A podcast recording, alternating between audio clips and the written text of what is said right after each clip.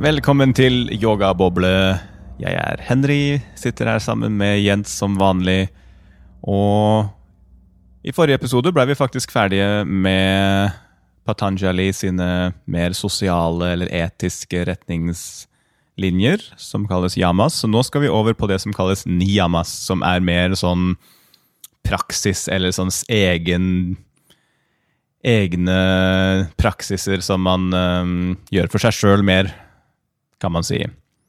Det er ikke sikkert det var en veldig god forklaring, men øh, vi kommer nok øh, inn i det etter hvert. Og vi starter med den som heter tapas, og det er ikke snakk om spanske småretter, men uh, mer det som kanskje kan oversettes til disiplin, selv om det blir litt feil, syns jeg. På engelsk kan man kalle det austerity.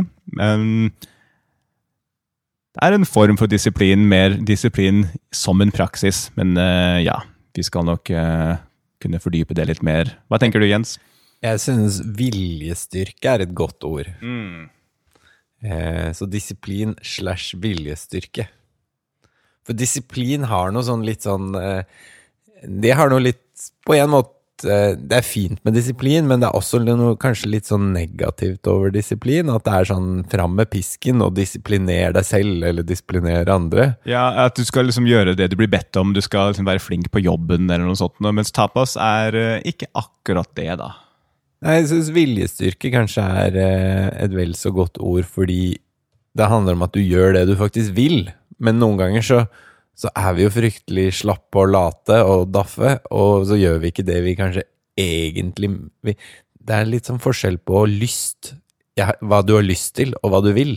Noen ganger så er det sånn at det, det, det er en viss mengde med ubehag som står mellom deg og det du vil, og så vil man kanskje unngå det ubehaget. Og tapas handler litt om å kanskje kunne tåle litt ubehag, hvis det er det som eh, skal til for å kunne leve livet sånn som du faktisk vil leve det. da. Alt kan ikke bare være godt og behagelig hele tida. Jeg har veldig Jeg vil holde meg slank og lekker, men jeg har veldig lyst på sjokolade. Det er forskjellen på vil og lyst. For eksempel. Ja. Så det å trene opp viljestyrken er viktig i, i mye i livet, egentlig. Også yoga. Eh, for å komme noen vei så må man eh, rett og slett ha en eh, sterk viljestyrke. Og viljestyrken er noe som sier at det er sånn som en muskel, at den kan trenes opp. At du At jo mer du trener viljestyrkemuskelen, jo flinkere blir du, eller jo Ja, jo mer viljestyrke får du. Og jeg tror de aller fleste kan kjenne seg igjen i at eh, hvis du på en måte ikke tåler noe som helst ubehag, hvis du på en måte, hvis hver gang du kjeder deg, eller hver gang det er litt kaldt eller litt varmt, eller litt ubehagelig, eller du er litt sulten Hver gang noe sånt noe dukker opp, så skal du bare gi opp alt det du prøver på, og bare prøve å tilfredsstille det, det lille masende behovet du har. Hvis du lever sånn, så blir det et ganske kjedelig liv. Jeg tror de fleste kan forestille seg det. Så litt ubehag må man faktisk eh, tåle for å komme noen vei, da. For å leve et liv som betyr noe, tenker jeg. Det er litt det de snakker om i yogaen, så snakker de om å, å på en måte få i gang den indre ild, din indre flamme. Det syns jeg er et flott symbol, å tenke at her er det en flamme som brenner, og fordi man vil noe. Eh, og det å få i gang den ved da å sakte, men sikkert eh, skape seg en tapas, da. En tapas som også man kan noen ganger kalle en, eh, en slags en avtale med seg selv. At nå har jeg en avtale med meg selv, at hver eneste eh, dag eh, så skal jeg eh, meditere i ti minutter. Og da, eh, hvis jeg klarer det, så å holde den avtalen med meg selv hvis, Hver dag i tre uker, da, for eksempel, så skal jeg klare å meditere i ti minutter. Da vil jeg også det, det at jeg fikk det til, ga meg selvtillit, og det ga meg eh, Og det bare trente viljestyrkemuskelen min til å kunne kanskje i neste runde meditere enda mer, eller, eller, eller ikke bare holde ut i tre uker, men holde ut i tre måneder, for eksempel. Det er en fin analogi det å se på det som en muskel som du kan trene opp, for du blir faktisk sterk. Du blir sterk. Hvis du på en måte bestemmer deg for noe og gjør det selv om det er litt kjedelig eller litt ubehagelig, så blir du faktisk sterk av å gjøre den eh, praksisen. Du, blir, du får en indre styrke av, eh, av å rett og slett um, presse deg bitte lite grann. Mm. Jeg hørte en sånn ja, historie, vil jeg kanskje ikke kalle det, men en sånn ja, Jeg skal bare si hva jeg hørte, jeg. så, så, trenger jeg ikke kalle det noen ting. Det jeg hørte, var at eh, hvis dette, nå, dette, nå, nå, dette, dette bare dette pladask til jorden, kjenner jeg. Men i hvert fall det, det jeg hørte, var Skal vi bare begynne på nytt, eller vi bare off, Velkommen til yoga! um, jo, det jeg hørte, var at hvis du vil eh, hvis du vil få opp din indre ild, din indre flamme, så må du knekke en fyrstikk hver dag. Det hørte jeg da jeg gikk på sånn teacher training, sånn yogalærerskole i Frankrike. Så, så, sa de du må brekke Og det, og det syns jeg var så tåpelig. Du må knekke en fyrstikk hver dag? Ja, jeg var sånn Hæ? knekk en fyrstikk? Hva faen? Um, men, men det som var poenget, var at ved å gjøre en handling hver dag, bestemme seg for at dette skal jeg gjøre hver dag, så vil det bidra til å eh, Ja, å, få i gang din indre ild. Mm. Så prøv det. Prøv å knekke en fyrstikk hver dag. Men det kan selvfølgelig Så jeg syns jo det virker mer motiverende å gjøre noe jeg får noe ut av. For det å knekke en fyrstikk eh, hver dag, det får jeg ikke så mye ut av. Eller tror jeg, i hvert fall. Jeg har ikke prøvd. Men, men, hvis, men, man kan jo se for seg at hvis du er bare helt på bånn, og hvor du ikke har noe tro på at du kan gjøre noe som helst i livet, så kanskje bare det å bestemme seg for å gjøre en ting hver dag, og så faktisk gjøre det, gjør at du kan neste uke gjøre noe litt vanskeligere. Ja, poenget er vel bare et eller annet sted må du starte. Mm. Eh, og da kan du like godt starte med en sånn hyperenkel handling som å knekke en fyrstikk. Eh, mens hvis det er meditere ti minutter hver dag, det er mye mer omstendelig enn å bare knekke en fyrstikk.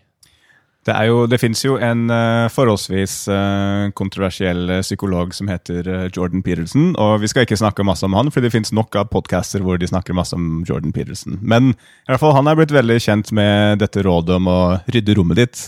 At hvis du ikke helt vet hva du vil i livet, du klarer ikke helt å disiplinere deg sjøl, du klarer ikke å få i gang noe, Start med noe som du vet at i du får til. Noe som du er litt bra for deg, og noe som du vet at du vil kunne gjøre. Og for mange så kan det være nok å bare ok, nå skal jeg holde rommet mitt ryddig. Det er liksom starten. Og jeg tror uh, det, hvis man får til det, så får man litt mestringsfølelse, så kan man kanskje gjøre litt mer. Og uh, i, Norge, i Norge, så tror jeg faktisk uh, førstegangstjenesten har hatt en veldig sånn, bra effekt på mange ungdommer at du lærer litt disiplin av å være et år i militæret, og så gjør det at du blir litt mer voksen og kanskje litt mer klar for å flytte ut på egen hånd og, og liksom klare deg litt bedre. Så, um, så bare det å, å, få i gang en liten praksis med noe slags disiplin tror jeg kan være bra for mange. Ja, ikke sant. Ja, militæret har nok hatt mye bra for mange unge menn. Eh, den disiplineringen der. Det er jo sånn tapasskole, kan man nesten mm. kalle det, militæret. Men det finnes jo sånn, tilbake til litt sånne tåpelige tapas, sånn som å knekke en fyrstikk, så er det jo en del eh, yogier som har tatt på seg ganske snodige tapaser. Jeg vet, den, den jeg kommer på nå, var en Han het til og med navnet hans var noe sånn tapas Tapas Viji, tror jeg han het. Tapas Viji Mahara, Maharashi, eller noe sånt, tror jeg han het. Og han, eh, han sto på ett ben i tre år. Eh, og så, etter når han var ferdig med det, så, så, la han seg ikke ned på 24 år, er det de sier da. Ja, altså yoga som asketisk praksis er jo veldig gammelt og mye eldre enn Patanjali sin filosofi. Og man kan jo før i tida så var det nok i hvert fall retninger innenfor den askesen som var ganske ekstrem, da, hvor det handla litt om å virkelig virkelig tåle ubehag, og også virkelig liksom ødelegge kroppen litt for at man ikke skal identifisere seg med kroppen lenger. Da. Så det er jo Et, et annet eksempel er noen som på en måte gikk med høyre arm opp resten av livet, sånn at den armen bare liksom forvitret helt og bare slutta å funke, og musklene døde ut. Og, eller folk som på en måte legger seg ut i sola midt på dagen hele dagen og bare ødelegger huden. Og, så det er liksom en sånn ask asketisk praksis er veldig gammelt. og Det er jo fordi folk i mange tusen år har skjønt at det fins noe innsikt man kan få ved å gjøre sånne praksiser. Men så ble jo yoga litt inspirert av buddhismen og sånt etter hvert. At man kanskje finner en litt mer sånn middelvei, at man ikke trenger å ta det så ekstremt. da. For Buddha lærte jo meditasjon av disse asketene eller yogiene, men han syntes de var litt vel ekstreme, da, så han liksom ville gå litt mer sånn litt, uh, Ja, at man ikke trenger å være i ytterpunktet, da. Ja, disse, man, folk har jo hørt om fakirer, og eh, jeg har liksom forbundet fakir med, med liksom sirkus. At en fakir, det er en sånn det er en eller annen sånn fyr som legger seg på en spikermatte, eller mm, sluker et sverd, eller blåser noen flammer, eller et eller annet sånt. Men fakir har jeg skjønt at det er liksom islams eh, versjon av yogier, eller av eh, asketer, da som gjør ganske sånn ekstreme ting mot kroppen sin. Eh, og islam er jo også på en måte Det er jo bare også rett borti hugget. Du skal bare opp til Pakistan for å finne muslimer. Så det er masse utveksling kulturelt mellom på en måte ja, islam og hinduismen, og, og i hvordan man holdt en spirituell praksis, da. Ja, altså det, jo, det har jo vært eh, muslimer som har praktisert her på Oslo Hatha Yoga, som sier at mye av det vi gjør, ligner veldig på bønn i islam. At mange av de bevegelsene, liksom sånn solhilsenaktige bevegelser, er jo, lig- ligner veldig på det man gjør når man eh, ber i, eh, på, i moskeen. Så det er helt klart mye likt, og det er, um, det er jo flere jeg, kommer Det er i hvert fall én sånn yogatekst som er skrevet på uh, å si med i fra islamsk kultur. da. Det er skrevet på arabisk, tror jeg. Så det er em, helt klart vært en utveksling der. Du har sufiene, som også er, på en måte islams mystikere, og de er veldig, veldig parallelle med yoga og buddhisme, og det er jo nesten ja, nesten det samme. Det er jo eh, man, Denne sufi-poeten eh, Rumi, han siteres jo masse i veldig mange forskjellige eh, spirituelle praksiser, fordi han mange som syns at han var inne på noe riktig og viktig. Så det kan nok bli noen episoder om det etter hvert, om hvor mye likheter det er egentlig mellom eh, verdens kulturer og religioner. Det er et veldig spennende tema. Men eh, tilbake til eh, ta tapas.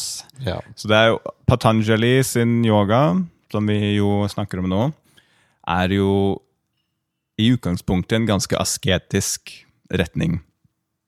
Og um, det fins jo andre retninger i yoga som er mindre asketisk, men Patanjali var nok veldig der at eh, hvis du skal komme dypest mulig inn i meditasjonen, så må du gi fra deg veldig mye av de tingene som du har lyst på, om de tingene som kroppen og som ego og som sinnet har lyst på.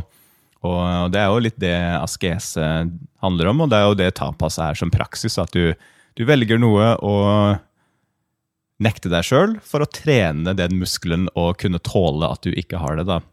Så uh, fasting er jo et veldig vanlig eksempel på det, som jo er veldig populært nå for tida. da. Jeg kan jo fortelle en liten uh, historie om, eh, fra min egen erfaring. Bare her om dagen så fikk jeg for meg at jeg skulle faste litt, og jeg har jo veldig lite erfaring med fasting, så jeg er helt nybegynner når det gjelder fasting. Jeg har gjort det bare et par ganger hvor jeg liksom bare tar 24 timer. Tenk, mest bare for å gi fordøyelsen en liten pause, og bare for å kjenne litt på den der sultfølelsen som, ja, som en slags tapas-praksis. At det, ok, jeg føler at jeg trenger mat, men egentlig så trenger jeg det ikke. Det går helt fint. Så her om dagen, så, mens jeg gjorde min første morgenklasse, så tenkte jeg ja, i dag tror jeg kanskje jeg skal faste. Det bare kom til meg. Så endte jeg med å ta 38 timer, da, så jeg spiste ingenting en dag. Og så spiste jeg liksom frokost neste dag etter at jeg hadde undervist eh, de to morgenklassene mine. Og eh, jeg merka det at eh, Og så tok jeg også bare generelt litt sånn asketisk dag, da, hvor jeg hadde ikke noe underholdning. ikke noe liksom, Jeg bare tok en dag hvor nå skal jeg bare liksom gjøre sattvisk eh, aktivitet. da. Sattvisk betyr at det er en aktivitet som skaper en sånn klarhet i hodet, som på en måte er ting som er bra for deg. da. Så leste yogafilosofi, mediterte og jobba og underviste yogaklasser. Men det jeg merka, var at spesielt neste dag så var det ganske hardt å undervise de to, yoga, de to morgenklassene mine. Det var, eh, det var, vondt, ubehagelig. Jeg følte, jeg, jeg følte meg sjuk, rett og slett. At jeg fikk kramper i kroppen, og det var liksom Ja. Det var ikke noe godt i det hele tatt. Og jeg merka det at uh, som en praksis for å tåle ubehag, så syns jeg det kan være fint å faste. Men for meg så kjenner jeg at det å gå mer inn i det blir rett og slett feil. Um, men det, det, er fordi jeg føler at det går imot min uh, dharma. Uh, og Vi kommer nok til å ha en episode om det ordet også, men det betyr på en måte hva, hva, hva livet mitt skal handle om. Hva mitt, min oppgave er i livet, eller hva mitt mål er, hva jeg vil. Og det handler veldig mye om det man kan kalle for karma-yoga, eller det å gi. da. Og jeg merka det at når jeg skulle undervise yoga i en tilstand hvor jeg ikke hadde fått nok mat, så begrensa det med det min kapasitet til å gi. da. Jeg var mer opptatt av hvordan jeg hadde det, enn, om, enn hvordan de som var på klassen, hadde det. Og, så, så, for meg så er ikke det en retning som er, uh, som er aktuell for meg akkurat nå, men kanskje en annen gang i livet. da. Men, uh, men for andre så er liksom den tapas, eller asketiske livsstilen, det er, liksom, det er veien å gå. Det er der det fins mest visdom, mest innsikt. Og Jens, du har jo mye mer erfaring enn meg i å gå i en slags asketisk eh, praksis, så du kan jo kanskje snakke litt om din erfaring der. Mm, jeg har, um, har, gjort noen lange meditasjonsretreats. Um, da det er jo også en form, For det er jo forskjellige former for tapas. En tapas er liksom fysisk hva man, at man bestemmer seg for hver dag skal jeg gjøre den og den yoga, sanaen. Eh, andre tapas kan være at du skal gjøre pranayama, pusteøvelse hver dag. Eh, noe kan være faste, som handler om diett. Eh, eller, eller, det kan handle om også sånn jeg skal ikke lyve de neste tre ukene. Det kan være masse forskjellige typer tapaser, men en vanlig tapas er å gå i stillhet og bare ikke snakke. Og jeg har gjort to lange meditasjonsretreats. Ett på ja, et som ble til sammen 56 dager, hvor jeg var i stillhet i 56 dager. Men jeg, det skal også sies at jeg hadde da, inn etter 49 dager, så hadde jeg en pause på tre dager, og så var det syv dager etter det. Så Um, for da var det en I det opplegget jeg var med på, så ble det naturlig. Så, så jeg kan kanskje egentlig bare si at det var 1,49 dager. Tre dagers pause, og så var det ett syv dager. Istedenfor å skryte på meg 56 dager. I, I, settingen nå er det kanskje litt irrelevant, akkurat. Ja, ja, ja, ja, ja, ja Jeg bare prøver å ikke lyve her. um, og et annet som var 45, da. Så ett på 49 og ett på 45 dager i stillhet, med, hvor jeg har da meditert eh, sånn mellom seks og åtte timer hver dag, og gjort yoga et par timer hver dag i, dette, i disse retreatene. Og det har jo på en måte Det er litt som å løpe maraton. Det, det, er jo det, det, føles Det er noe litt sånn godt ved å, å sette seg en litt sånn stor, vanskelig oppgave, og så gjennomføre det. Men jeg syns på en måte det er litt sånn på spark å si sånn Hva har jeg fått ut av det? Uh, disse lange retreatsene. Og det, bare det at jeg har gjort det igjen, er jo et ganske tydelig bevis på at det er jo noe i meg som bare har tenkt sånn Ja, ja men dette er bra. Dette skal jeg gjøre. Um, men, men, jeg må innrømme at jeg kan bli litt sånn svar skyldig når folk spør meg sånn Ja, men hvorfor gjorde du det egentlig? Og så er jeg sånn Nei, jeg vet ikke. Jeg vet ikke. Jeg, jeg er gal. Men uh, det er et eller annet i meg som har vært veldig bestemt på at ja, nei, men dette skal jeg, og dette er bra. Så, så hva det har vært, uh, ja, det, det, er litt et mysterium. Men altså det, Man kan jo se på liksom på to måter å, å, å, praktisere tapas på. Den ene kan være å gå i, inn i askese, rett og slett. Det, det klassiske eksempelet er å finne en hule i Himalaya. ikke sant? Og bare sitte der. Så det er én vei, å på en måte bare liksom nekte seg mer og mer og på en måte ja, gå mer og mer innover, rett og slett. da. Men, eh, eller så har du den andre måten å praktisere det på, som er kanskje mer i hverdagen, hvor du setter deg mål for livet ditt som du trenger litt disiplin for å oppnå. Ok, nå skal jeg trene litt mer, eller nå skal jeg se litt mindre på skjerm. Det er sånne type ting som, de, som egentlig stort sett alle har et forhold til. Nesten alle prøver å sette seg sånne mål, gjerne etter nyttårsaften osv. Så, videre. så man på en måte man vil noe, man har et ønske om å oppnå et bedre liv på en eller annen måte, og så krever det en viss form for ubehag eller disiplin. Du, hvis du skal ok, jeg vil bli sterkere, da må jeg trene, og det å trene, det er slit. Så, så jeg tror alle har opplevd at det er vanskelig å gjøre livet sitt bedre på mange måter. Og, men hvis man får, får, det til til en viss grad, så blir det lettere og lettere. At jo mer, man, jo mer, man, gjør som er bra for seg, jo lettere blir det å gjøre flere ting som også er bra. Da. Men, eh, men det krever alltid litt disiplin. Det er jo interessant dette at ja, det er jo, nyttårsforsett er jo en greie. Veldig mange som har nyttårsforsetter, og så sier ja, hva er ditt nyttårsforsett i år? Jo, nei, men jeg skal trene mer, eller whatever. Um, men det er jo veldig få som får det til, er mitt inntrykk. Er, jeg føler at det nesten er en greie i seg selv, at folk som har nyttårsforsett, ikke holder nyttårsforsettene sine i lenger enn i lenger én eller to uker. Eh, så det, det, viser jo egentlig hvor vanskelig det faktisk er å starte et nytt og bedre liv. At selv sånne små vaner er liksom eh, er fryktelig vanskelig å, å få, få endra på. Så vi kan jo kanskje snakke om liksom hva Hva kan man gjøre for å få, få det bli litt enklere? Er det liksom noe triks? Ja, det fins jo et hav av uh, av uh, hjelpemidler og triks til sånne ting. Um, men det handler jo ofte om å sette seg mål som du faktisk vet at du vil klare å oppnå. Altså hvis, hvis du liksom Hvis du aldri trener, og så er det sånn ok, nå skal jeg trene hver dag, så er det kanskje, liksom, det er kanskje litt ambisiøst, da. Men hvis du sier ok, nå skal jeg trene én dag i uka, så kan det hende at det er lettere å få til. Men noen ganger så er det det motsatte. Noen ganger så er det faktisk lettere å gjøre noe hver dag, for da blir det liksom en del av den daglige rutinen. Men da, det handler om å kjenne seg sjøl litt. ok, du må, du må kjenne deg sjøl og vite hva er jeg faktisk i stand til å få til. Og ikke sette seg et mål som er altfor langt vekk fra det, da. Ja, så det å være realistisk, eh, ja. det er viktig. Så én og og så handler det kanskje også om å, liksom, å være litt sånn tydelig på hvorfor er det du egentlig vil det? Hva er det du egentlig vil? Gjør du det her bare fordi du føler at du burde? Fordi det er ikke nok motivasjon. da. Hvis det, hvis det er sånn der, ah, jeg burde jogge litt mer for uh, hjertehelsa, liksom. det har jeg hørt at det burde jeg gjøre. Du kommer aldri til å jogge noe særlig hvis det er motivasjonen din. Det må være noe mer. mm.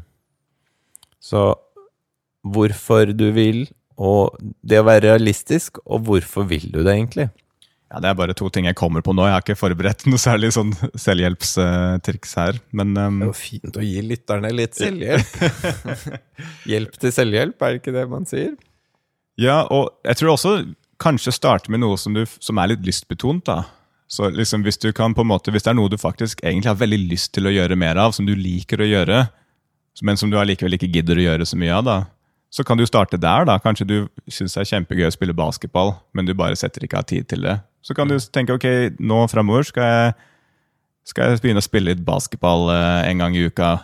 Jeg elsker å gjøre det, og det handler egentlig bare om å prioritere det.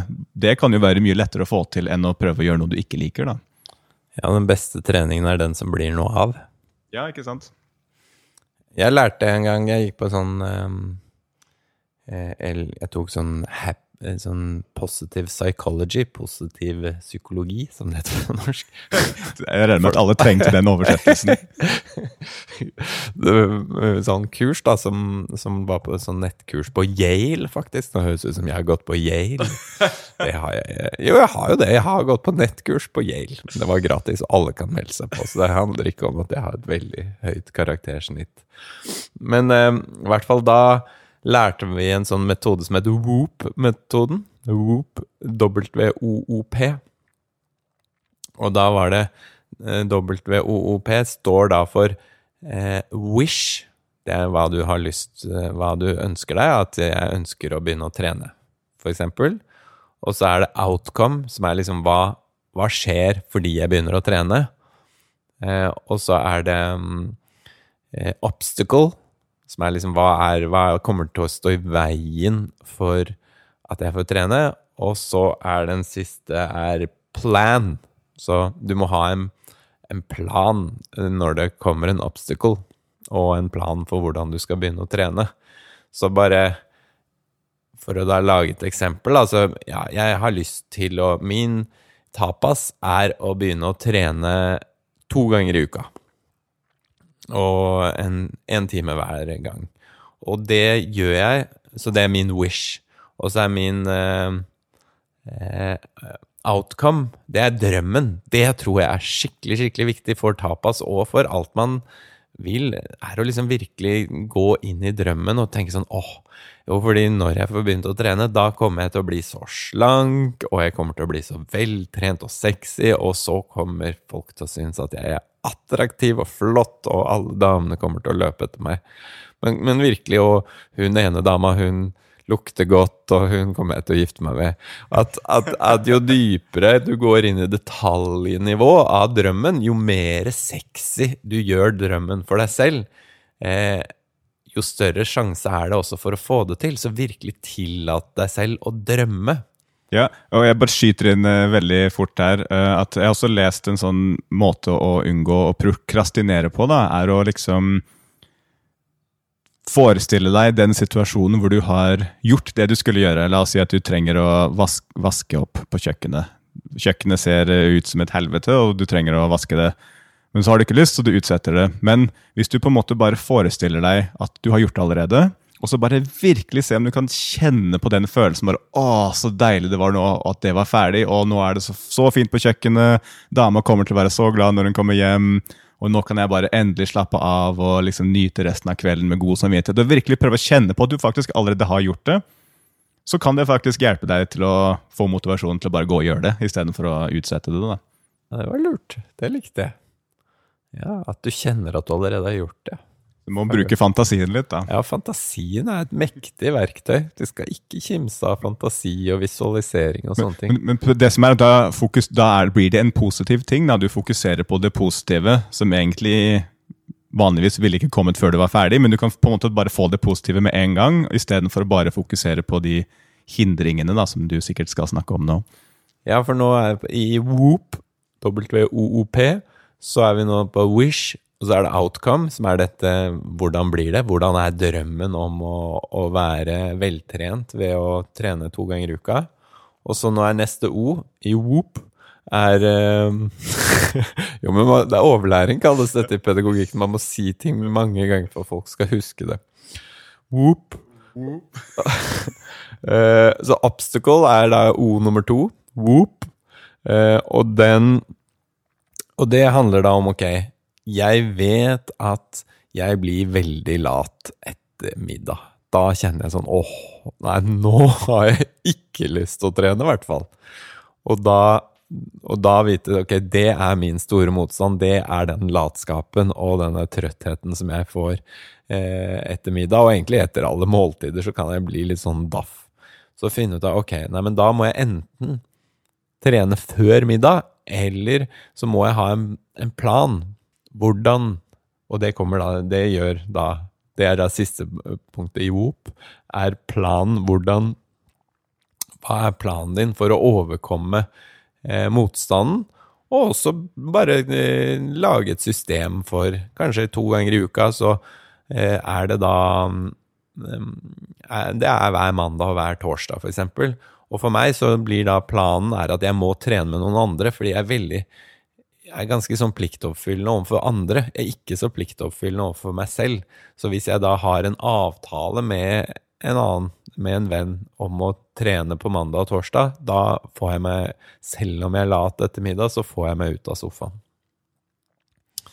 Det var Whopen, som er Jeg, jeg tror ikke Patanjali snakker om whoop, men likevel så, så kan det hende at det kan uh, gi, gi, en hjelp.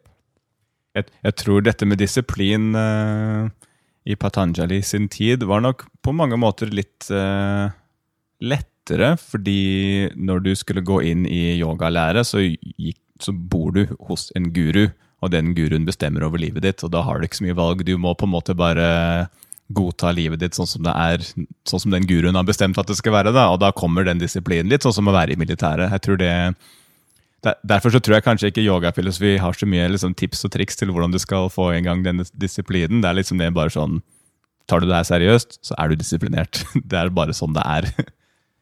Ja, for det er litt viktig at det skal komme fra Ja, det skal komme fra en kjærlighet og fra et ønske, ikke fra en bare en sånn veldig selvpiskende strenghet mot deg selv. For det er en sånn tendens vi har veldig mye av, egentlig mange av oss, at vi er veldig strenge mot oss selv. Jeg har uh, fått en litt sånn vane som jeg lærte av deg, Jens, for et par år siden. At, uh, og som jeg også har lært videre bort til andre, som jeg syns er veldig fin. At det er liksom en sånn regel som uh, man kan sette for seg sjøl, at hver gang du sier at du burde gjort et eller annet, så må du etterpå si burde, burde, burde, burde. burde. ja. Ja. Bare for å le litt av at det er så mye du burde, og kanskje ikke være så streng med deg sjøl. Ikke ta det så seriøst, all den der burdingen som man driver med. Oh, ja, det er så mange burder. Man burde ikke ha så mange burder i livet. Burde, burde, burde, burde.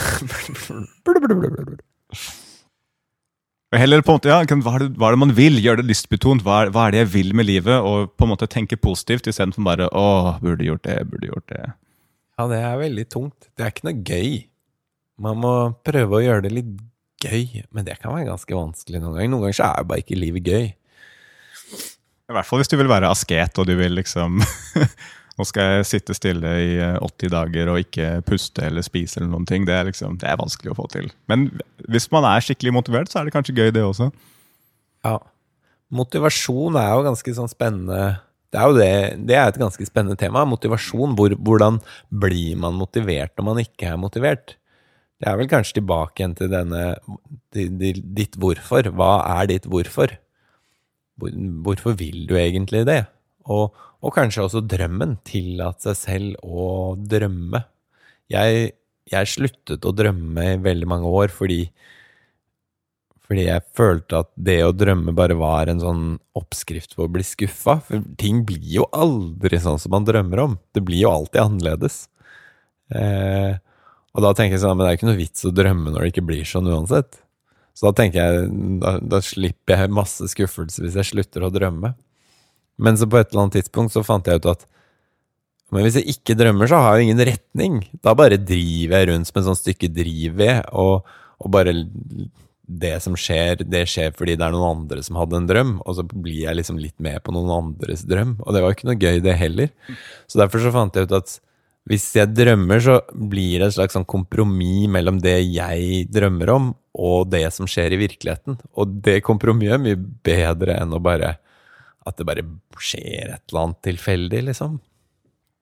Ja, det handler jo om å bare velge en retning å gå i, og så kan jo det endres hele tida, og man har ikke så mye kontroll over det, men man har i hvert fall en intensjon der man har på en måte Det er jo, det er jo mer spennende å, på en måte, å gå tur hvis du har på en måte et sted du skal til, men det kan jo hende at du havner et annet sted. Men hvis du bare begynner å vandre, så ja, Noen kanskje liker det også. Jeg syns det er mer interessant hvis jeg har et, ok, nå skal jeg, hvis jeg skal gå i tur i Nordmarka. da, så er det sånn, ok, nå, nå skal vi til det vannet, og så skal vi opp dit, og så overnatter vi ved det vannet. og Så har man liksom en mission. da, men Hvis man bare går ut i skogen og bare begynner å vandre, så Du kan jo gjøre det, det også. Det kan være fint, det også, men Ja, uh, iblant så syns jeg man skal være åpen og bare tillate seg selv å la uh, vindene føre en hvor dit en skal.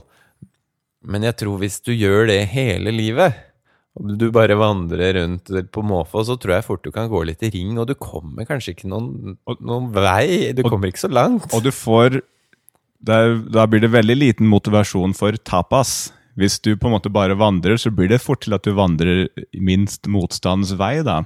Og da får du aldri liksom trent på det der med at jo, men jeg vil den veien, og nå er det en hindring, og den skal jeg overkomme, istedenfor bare å, det var en hindring, og da får jeg bare gå en annen vei. Da, da blir man uh, man mister den treningen da, hvis man, eh, hvis man ikke har eh, litt eh, retning. da. Ja, tro, jeg tror at vi alle egentlig vil noe. Jeg tror det er ingen som ikke vil noe. Alle, alle og, og, og, noen ganger så vil man være åpen og bare la ting skje, men likevel, i det så tror jeg det er et hemmelig ønske om at et eller annet skal skje.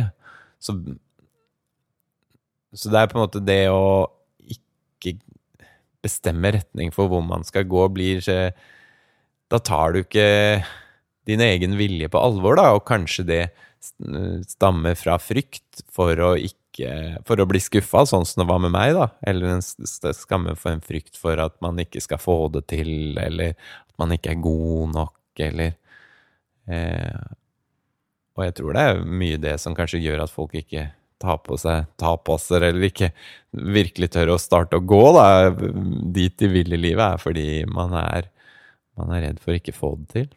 Ja, liksom det, det, Da blir det frykt som styrer, og det ender veldig fort i bitterhet. da. At Bitterhet fordi man ikke gjorde, man ikke turte å ta litt sjanser og, og, og gjøre det man egentlig ville.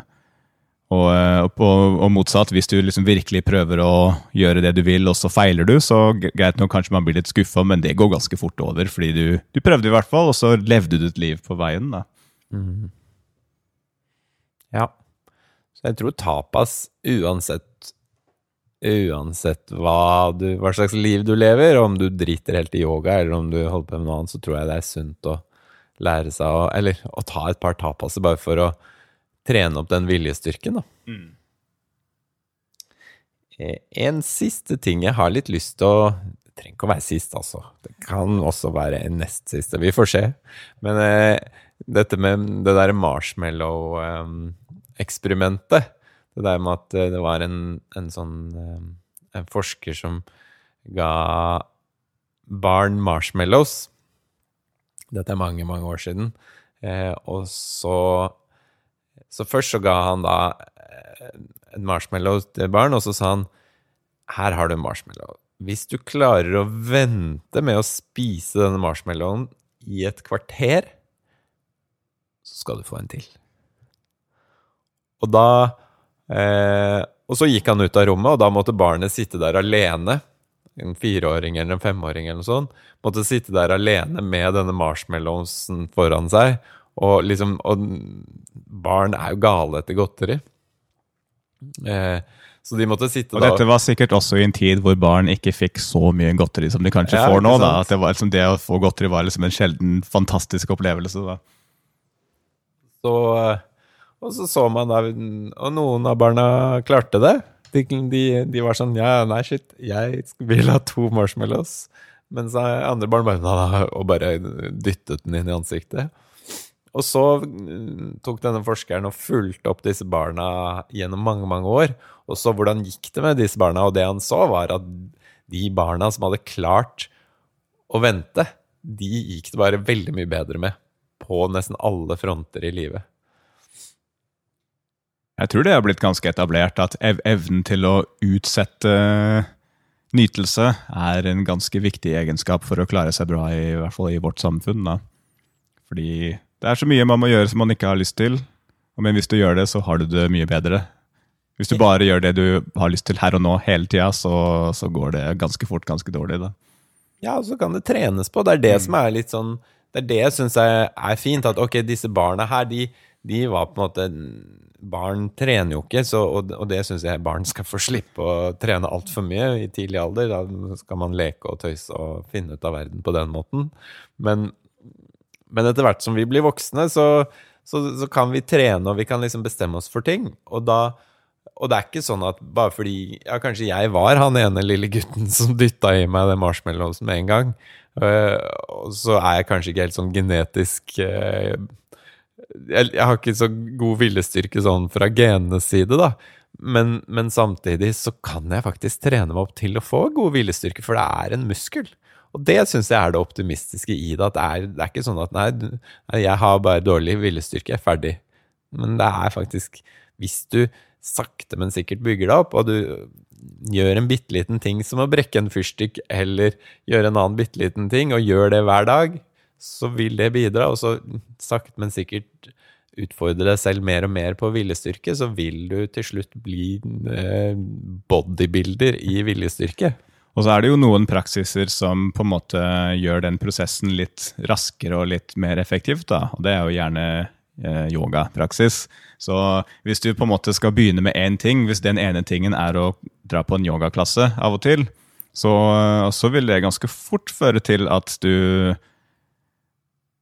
begynner å ha lyst til å gjøre mer ting som er bra. Fordi det å gjøre yoga, det er jo ikke bare det at du bruker disiplin og gjør noe du ikke har lyst til. Du, du gjør noe som hvor du føler deg bra etterpå. Du føler at 'å, dette her var bra for meg', dette her er noe som er en, en positiv kraft i livet mitt. Og så blir du på en måte litt sånn hekta på den følelsen. At du 'å, å jeg har lyst til å gjøre mer ting som gir meg den samme følelsen som' um, som, som en yogapraksis kan gi. Da, og Det er det man gjerne kaller for sattvisk eh, aktivitet eller handling. Så alle de tingene som gjør at 'å, dette var bra for meg'. liksom, dette, nå, nå, kan jeg tenke klarere, nå ser jeg mer positivt på livet. Alle de aktivitetene som gir deg den følelsen, som skaper en uh, mer sattva, eller den typen klarheten, det er uh, litt sånn selvforsterkende. da.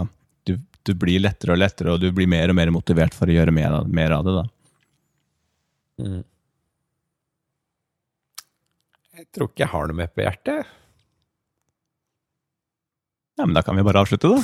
ja, ok. Ja, takk for i dag. Takk for oss.